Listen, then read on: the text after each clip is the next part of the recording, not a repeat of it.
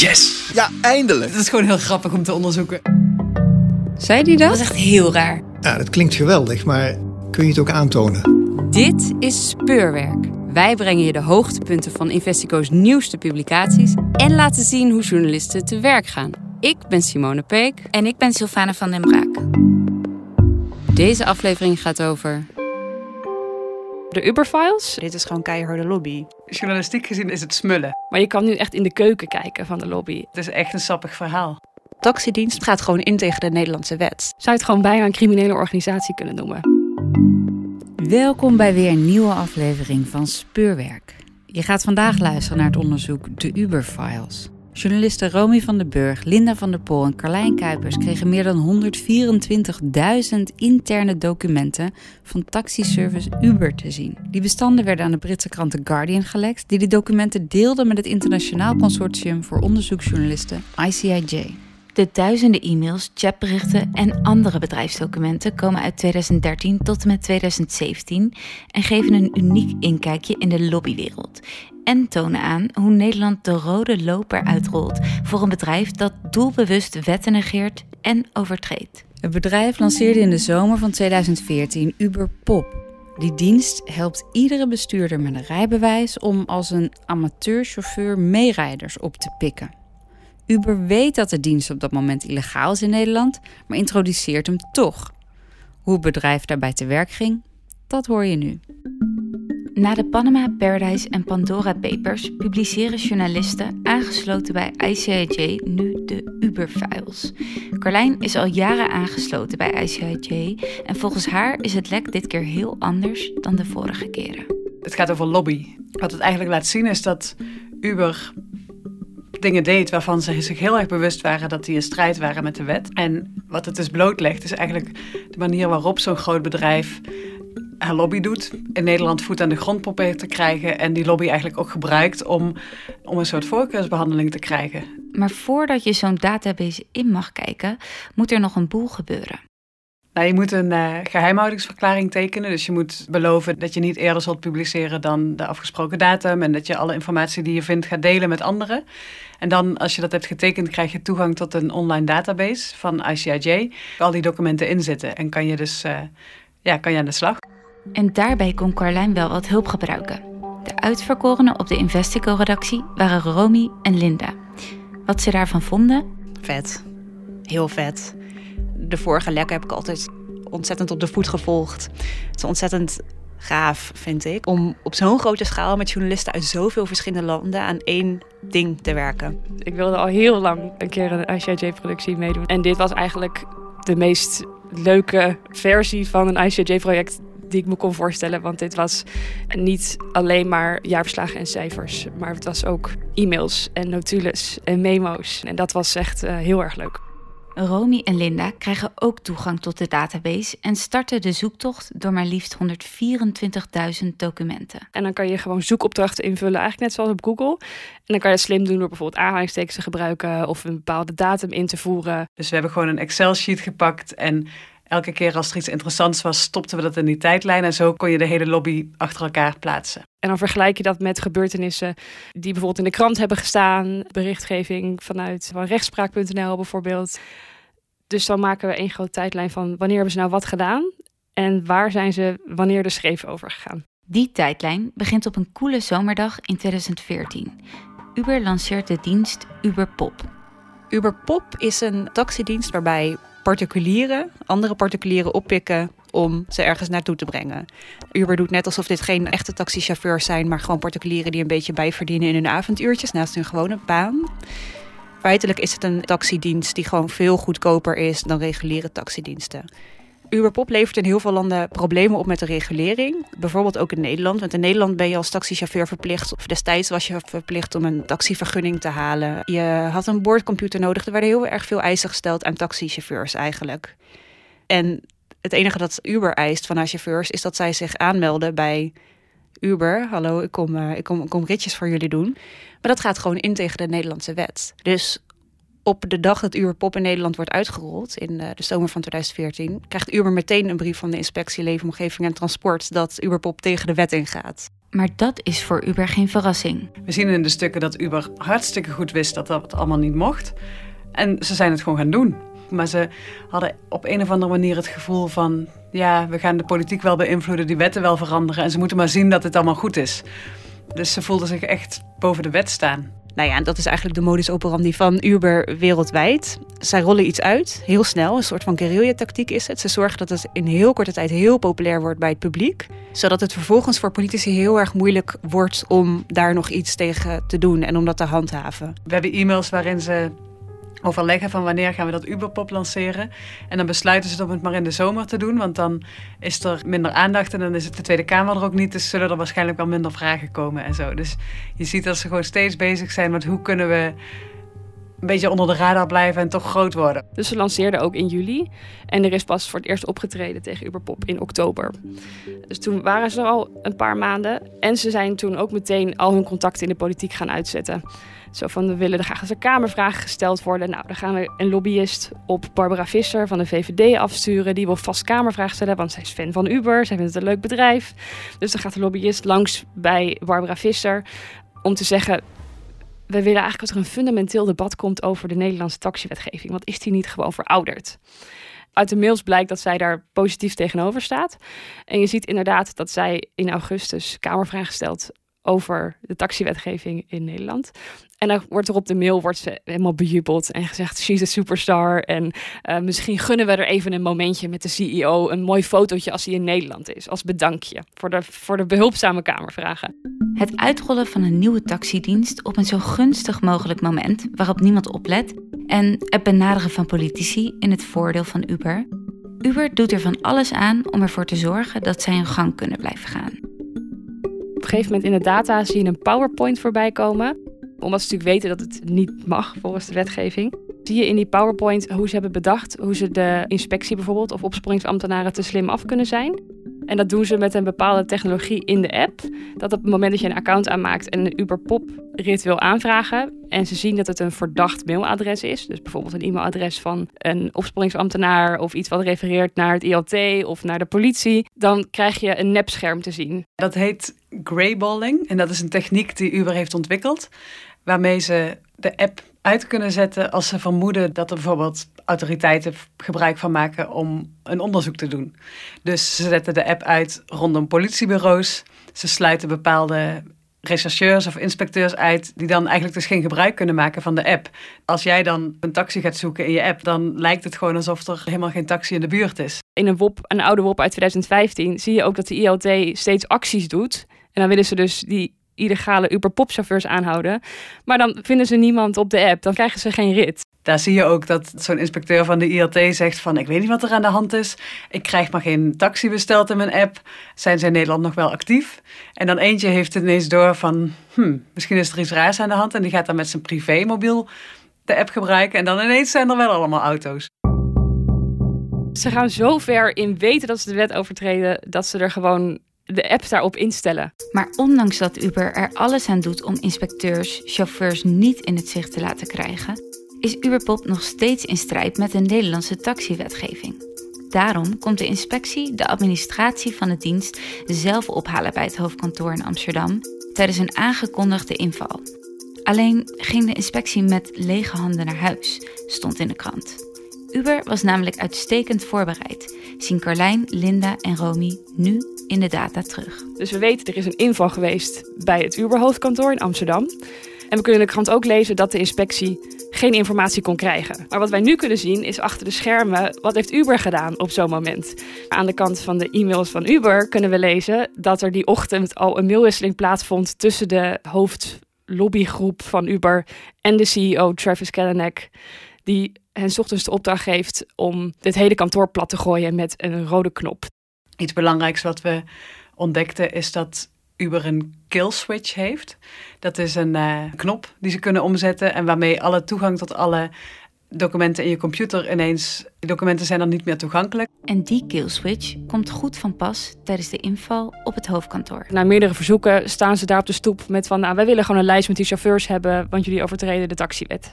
En Uber zegt dan eigenlijk, ja, dat gaan we niet geven, want dat is privacygevoelig. En ze gaan maken ook een heel statement in de media. En dan een week later staat de ILT Werpstoep weer voor een inval met het Openbaar Ministerie. Zij willen dan meelopen met een medewerker van Uber. Staan ze achter zijn computer, die wil inloggen en die kan niet inloggen. Alle systemen doen het op dat moment niet. Er is altijd wel vermoeden geweest dat er zo'n kill switch is gebruikt.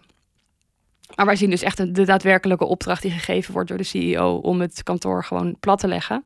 En die opdracht klinkt als volgt. Please hit the kill switch ASAP. Access must be shut down in Amsterdam. En toen zijn we wel experts gaan vragen van hoe gebruikelijk is het nou om zo'n kill switch te hebben. En het is niet heel raar om een kill switch te hebben, om je, je gevoelige bedrijfsdocumenten te kunnen beschermen. Maar je mag hem niet gebruiken op het moment dat er een inval is, want dan is het belemmering van de rechtsgang. En werk je dus zo'n onderzoek tegen. We hebben gezien dat ze de inspectie leefomgeving om negen uur s ochtends een afspraak had bij Uber. En dan zien we bijvoorbeeld om twee over half tien het bevel wat gegeven wordt terwijl de inval plaatsvond. En dan kan je het dus belemmering van de rechtsgang noemen en dan is het strafbaar. Ondertussen houdt Linda zich met een andere vraag bezig. Als ze de duizenden e-mails, chatberichten en notulen doorzoekt. Wat als een eurocommissaris informeel lobbyt voor een grote multinational in de 18 maanden nadat die persoon is afgetreden als eurocommissaris? We hebben het over Nelly Kroes, die enthousiast aan het lobbyen slaat voor het bedrijf. Het politieke wapen van Uber. We zien eigenlijk in de zomer van 2014 al dat Kroes door lobbyisten van Uber genoemd wordt als een potentiële lobbyist voor Uber. Nou, wat je dan ziet is dat Nelly Kroes eigenlijk in de zomer van 2014 ook al aangeeft dat zij wel geïnteresseerd is in de positie. Nou, op dat moment is Nelly Kroes nog eurocommissaris digitale agenda. Tot 31 oktober 2014. Eurocommissarissen die hebben een afkoelperiode. Er is een hele periode waarin zij dus niet lobbywerk mogen aannemen als het raakt aan de dossiers die zij als eurocommissaris deden. En wat je van de buitenkant zag was dat Kroes net op het moment dat die afkoelperiode was afgelopen voor Uber ging werken. Wat wij nu ontdekt hebben, is dat ze heel lang daarvoor al, al allemaal dingen voor Uber deed. Dat is echt niet de bedoeling van dit soort afkoelperiodes. De bedoeling is dan gewoon dat je niet gaat lobbyen. Maar wat wij in de data zien, is dat zij in die tussentijd, in die anderhalf jaar die daartussen zit, gewoon ontzettend veel lobbyt voor Uber. Je ziet heel erg dat ze dan al bezig is met die beeldvorming. In 2015 dan, dan zijn er twee invallen bij Uber op het hoofdkantoor. En dan zie je dat Nelly Kroes, die gaat direct na die inval, gaat zij allerlei politici bellen, ministers, staatssecretarissen, om ervoor te zorgen dat de ILT zich terugtrekt in zaken Uber. Dit is gewoon keiharde lobby. Je ziet ook dat de lobbytop van Uber die geeft, geeft Nelly Kroes de hele tijd de opdracht. Hmm, wat zullen we Nelly nu eens laten doen? Die hebben hele lijsten met mensen die eigenlijk benaderd moeten worden. En die zien Nelly gewoon de hele tijd als een weg naar de Nederlandse politiek. En als een manier om dingen voor elkaar te krijgen. Nelly Kroes is een belangrijk figuur binnen de VVD. En je ziet dat ze gewoon die persoonlijke contacten met VVD-ministers en Kamerleden, dat ze die heel erg inzet. Maar dat doet ze strikt in het geheim. Nog tijdens haar Eurocommissariaat dan er ergens een, een spreekopdracht waar zij zal zijn. En de CEO van Uber is daar ook op uitgenodigd. En dan zie je dat zij absoluut niet wil dat zij samen gezien worden op dat evenement. Die relatie met Nelly Kroes wordt mega confidential genoemd. Is super vertrouwelijk. En zo houden ze dat eigenlijk anderhalf jaar vol. Als je net aftreedt als eurocommissaris, dan moet je toestemming vragen van een ethische commissie, die bij de Europese Commissie hoort, om een nieuwe positie aan te nemen. Dus zij dient daar het verzoek in om deel te nemen aan de adviesraad van Uber en die ook voor te zitten. Nou, dat, dat advies dat, dat wordt terzijde gelegd. De ethische commissie die keurt die keuze af, omdat het gewoon te veel raakt aan haar eerdere eurocommissariaat. Ze zat op digitale zaken en digitale agenda en daarvoor zat ze op mededinging. Beide schuren zo dicht tegen Uber aan. Kroes is het absoluut niet met die beslissing eens. Dus dan zien wij in onze data dat zij een hele lange brief stuurt aan de voorzitter van de Europese Commissie, Jean-Claude Juncker. Ook Juncker keurt die positie absoluut af en zegt haar dat zij die positie moet intrekken. Anders moet de EC een uh, negatief advies geven aan haar. Ze is ontzettend boos op Juncker achteraf. Ze zegt hij heeft deze beslissing dronken gemaakt en dit is het antwoord van de grote leider.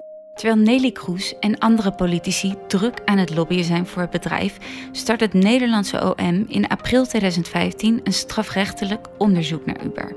En ook daar probeert de multinational via allerlei mogelijke manieren controle over te houden. In de mails hebben ze het erover wat kan nu nog helpen om dat strafrechtelijke onderzoek dat het wat beter verloopt. En een van de opties is een gesprek met Rutte. Dan willen ze dus Mark Rutte en Travis Kalanick, als ze samen in San Francisco zijn, dat ze afspreken op het hoofdkantoor van Uber en dat ze daar elkaar kunnen ontmoeten en een, en een fotomomentje kunnen hebben. Nou, Nelly Kroes die speelt daar een rol in. Die is natuurlijk ook VVD, die kent Rutte goed. Je ziet in de mails dat het haar taak is om die afspraak op te zetten. En Travis Kalanick zegt, ja, ik wil Rutte wel ontmoeten, maar ik vind dat Nederland echt een beetje moeilijk aan het doen is rondom dat hele strafrechtelijke onderzoek. En ze stellen zich niet zo goed op naar Uber. Uh, dus ik ga wel heel erg hard voor hem zijn in het gesprek. Hij heeft er eigenlijk geen zin in, maar hij ziet wel het voordeel daarvan in.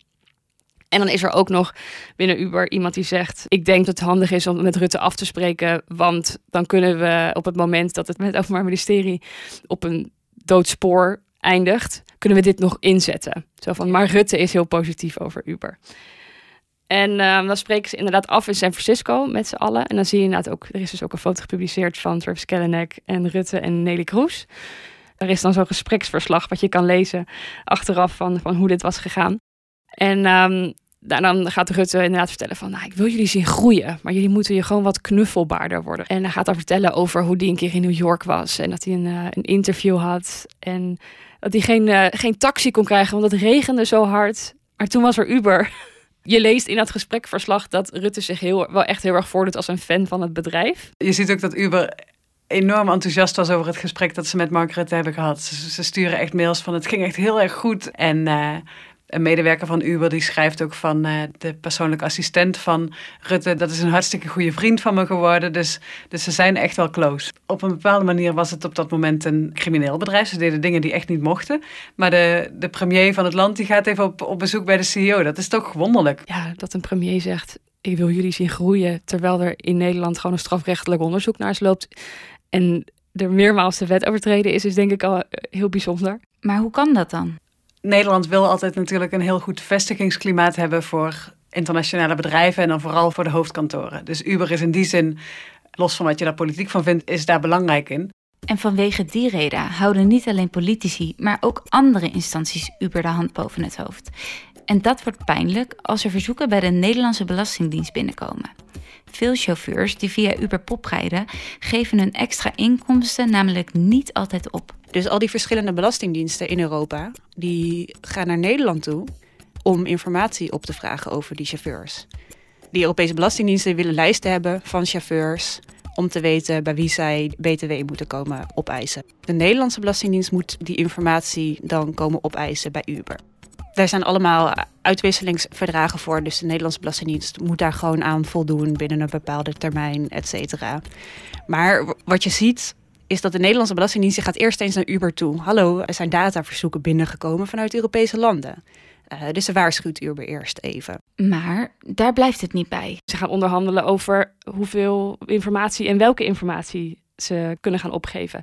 En ze zeggen, we gaan het, dit laten we helemaal onderaan als prioriteitenlijstje. We gaan dit zo lang mogelijk uitstellen. We gaan jullie hierbij helpen. We gaan wel lobbyen bij de Franse Belastingdienst dat er een bepaalde structuur voor jullie zo aangepast wordt dat het gunstig is voor de BTW-belasting. Dus je ziet dat ze dus een bedrijf wat in deze periode meermaals de wet overtreedt, aan de hand nemen en zeggen: wij helpen jullie hier wel. Uber die zegt: wij willen op zich wel meewerken aan deze dataverzoeken. We willen deze lijsten met chauffeurs best wel overdragen, maar wij zijn bang dat andere dingen dan in het gedrang komen. Want Uber die heeft dus die dienst illegaal uitgerold in Europa en gaat ervan uit dat zij via lobby de wetgeving wel kan veranderen. Dus zij wil gewoon in al die Europese landen wil zij dat Uberpop toch legaal wordt, omdat de taxiwetten veranderen en zij door kan gaan. Maar volgens de informatie die wij hebben is Uber bang dat zo'n Europees onderzoek naar de belasting van Uber dat dat Uber in een kwaad daglicht stelt of dat het op een andere manier interrumpeert met Ubers uh, plan om de wetgeving te, door lobby te veranderen. Er is één samenkomst van mensen van de Belastingdienst en Uber in, in San Francisco. En dan, dan zie je dat een, dat een Nederlandse afvaardiging aan Uber vraagt: hoe lang hebben jullie nodig? Hoe lang hebben jullie nodig om die taxiwetgeving er doorheen te krijgen? Dus de Nederlandse Belastingdienst ging zich echt opstellen als een soort beschermer van Uber. En we zien ook heel veel contact tussen Uber en de Belastingdienst. En dan schrijft iemand van Uber weer van uh, de Belastingdienst gaat voor ons deze strijd voeren. Dat is natuurlijk echt heel bijzonder, want dat is niet aan een Belastingdienst om dit soort dingen te doen. De taak van een Belastingdienst is gewoon belasting innen en zorgen dat, dat iedereen eerlijk belasting betaalt. Dan is het nogal raar om dan te gaan zorgen dat bepaalde documenten niet gedeeld worden met andere belastingdiensten of dat bedrijven documenten niet hoeven te delen omdat, omdat het ze even niet uitkomt. Dan zit je wel heel erg aan de kant van het bedrijf. Ja, dat is dus denk ik heel erg de vraag. Van ben je dan nog wel je kerntaak aan het uitvoeren? Nederland heeft, heeft heel erg haar best gedaan om Uber naar Nederland te krijgen. Zeker in die tijd liet Nederland zich ontzettend voorstaan op haar geweldige vestigingsklimaat voor start-up. En zo is Uber ook naar binnen gehaald. Maar wat je vervolgens inderdaad ziet, is dat de Nederlandse Belastingdienst Uber ook een beetje vriendendiensten gaat bewijzen. Maar ja, dat is traineren, want dan ben je als Nederlandse Belastingdienst ben je eigenlijk in dienst van Uber. Ja, dat gaat in tegen allerlei Europese uitwisselingsverdragen. Dat kan gewoon echt niet. Tijdens het gehele onderzoek vragen Carlijn, Linda en Romy zich af: hoe gaan al deze betrokkenen op onze bevindingen reageren? Wat is hun excuus? Ze benaderen alle politici die ze in de Uber-files tegenkomen. Ik denk dat driekwart van de politici die we gesproken hebben gewoon amnesia had en niks kon herinneren van iets wat in 2015 op de agenda had gestaan. Of ze hadden die agenda's niet meer. Dus het geheugen was wederom ver te zoeken in de politiek. En Nelly Kroes, die reageert wel in een brief. En daarin zegt zij zelf dat ze voor haar officiële aantreden in de uh, Global Policy Advisory Board van Uber in mei 2016 dat zij voor die tijd geen enkele formele of informele rol gehad heeft bij Uber. Kroes is nadat ze aftrad als eurocommissaris in het najaar van 2014, is zij heel snel speciaal gezant geworden van de Startup Delta. Dat is een instituut van het ministerie van Economische Zaken om de start-up cultuur in Nederland te bevorderen. En in haar wederhoor schuift zij alle activiteiten die zij voor Uber heeft verricht, die schaart zij allemaal onder dat speciaal gezantschap. Wij hebben ook navraag gedaan bij het ministerie van Economische Zaken en bij de uh, destijds minister van Economische Zaken, Henk Kamp. En zij zeggen beide dat contacten leggen met Uber en contacten leggen namens Uber met hoge personen in Den Haag, dat dat het absoluut niet tot de taakomschrijving van de Startup Delta hoort.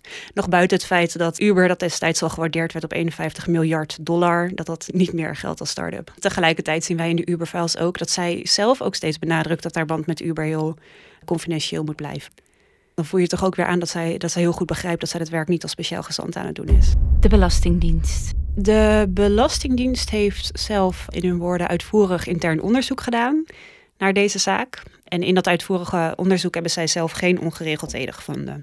Dus de Belastingdienst die ontkent dat er hier uh, wetten zijn geschonden. Zij konden verder niet ingaan op, op de zaak Uber aan zich vanwege hun geheimhoudingsplicht, die ze natuurlijk volgens onze files zelf ook geschonden hebben. Tegelijkertijd dat wij natuurlijk in ons onderzoek aantonen, is dat er allerlei, nou ja, onder andere geheimhoudingsplicht geschonden werd door ambtenaren die Uber informeel, confidentieel op de hoogte houden van de stand van zaken van een onderzoek. De Belastingdienst kan heel erg lang onderzoek doen, maar als zo'n gesprek informeel en confidentieel plaatsvindt, dan vinden zij dat natuurlijk niet terug in de administratie. Dus het kan heel goed dat, dat de processen er op papier bij hen allemaal heel goed en netjes uitzagen. En wat zei Uber? De algemene reactie was: we gaan geen excuus aanbieden voor iets wat zo lang geleden is. Ze willen dat de mensen hun beoordelen op wat ze de afgelopen vijf jaar hebben gedaan en wat ze in de toekomst gaan doen. Ik kan me best voorstellen dat je als lezer aan het einde van ons stuk dat je denkt: ja, het was 2015, het is best lang geleden. Uh, is Uber niet een veel leuker en liever bedrijf geworden?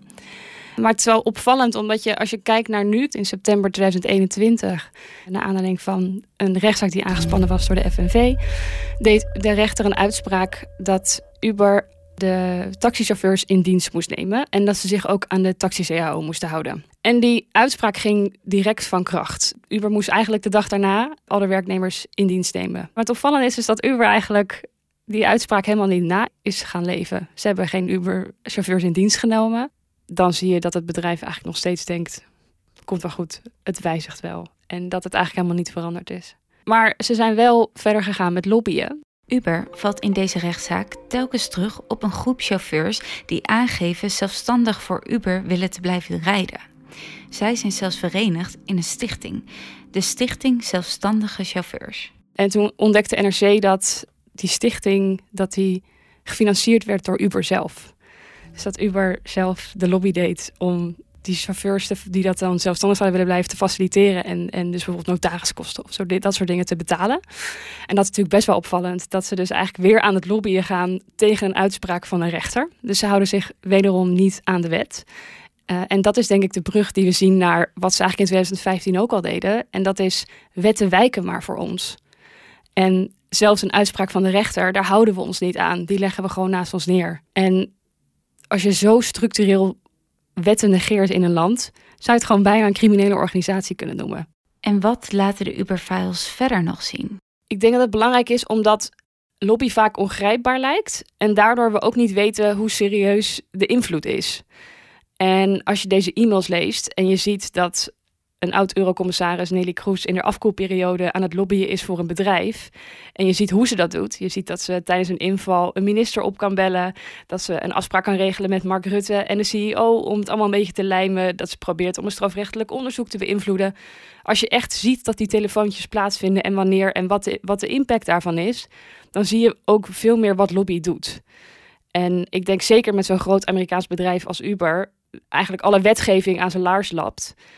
En niet alleen als een laarslap, maar ook moedwillig de wet blijft overtreden. Er nog steeds allemaal hulp geboden wordt vanuit de politiek, vanuit de ambtenarij en vanuit de Belastingdienst. Dan laat je ook heel erg zien wat er misgaat in Nederland. Dan laat je zien hoe Nederland die rode loper uitrolt. Ik denk dat, het, dat dat de waarde is van dit verhaal. Van we kijken binnen bij één bedrijf. Maar het zegt natuurlijk veel over de strategieën die gebruikt worden. Hoe open politici staan voor dit soort dingen. Dit was Speurwerk. Je hoorde Romy van den Burg, Linda van der Pol en Carlijn Kuipers over de Uber-files, die een unieke inkijk geven in de lobby die het bedrijf voerde.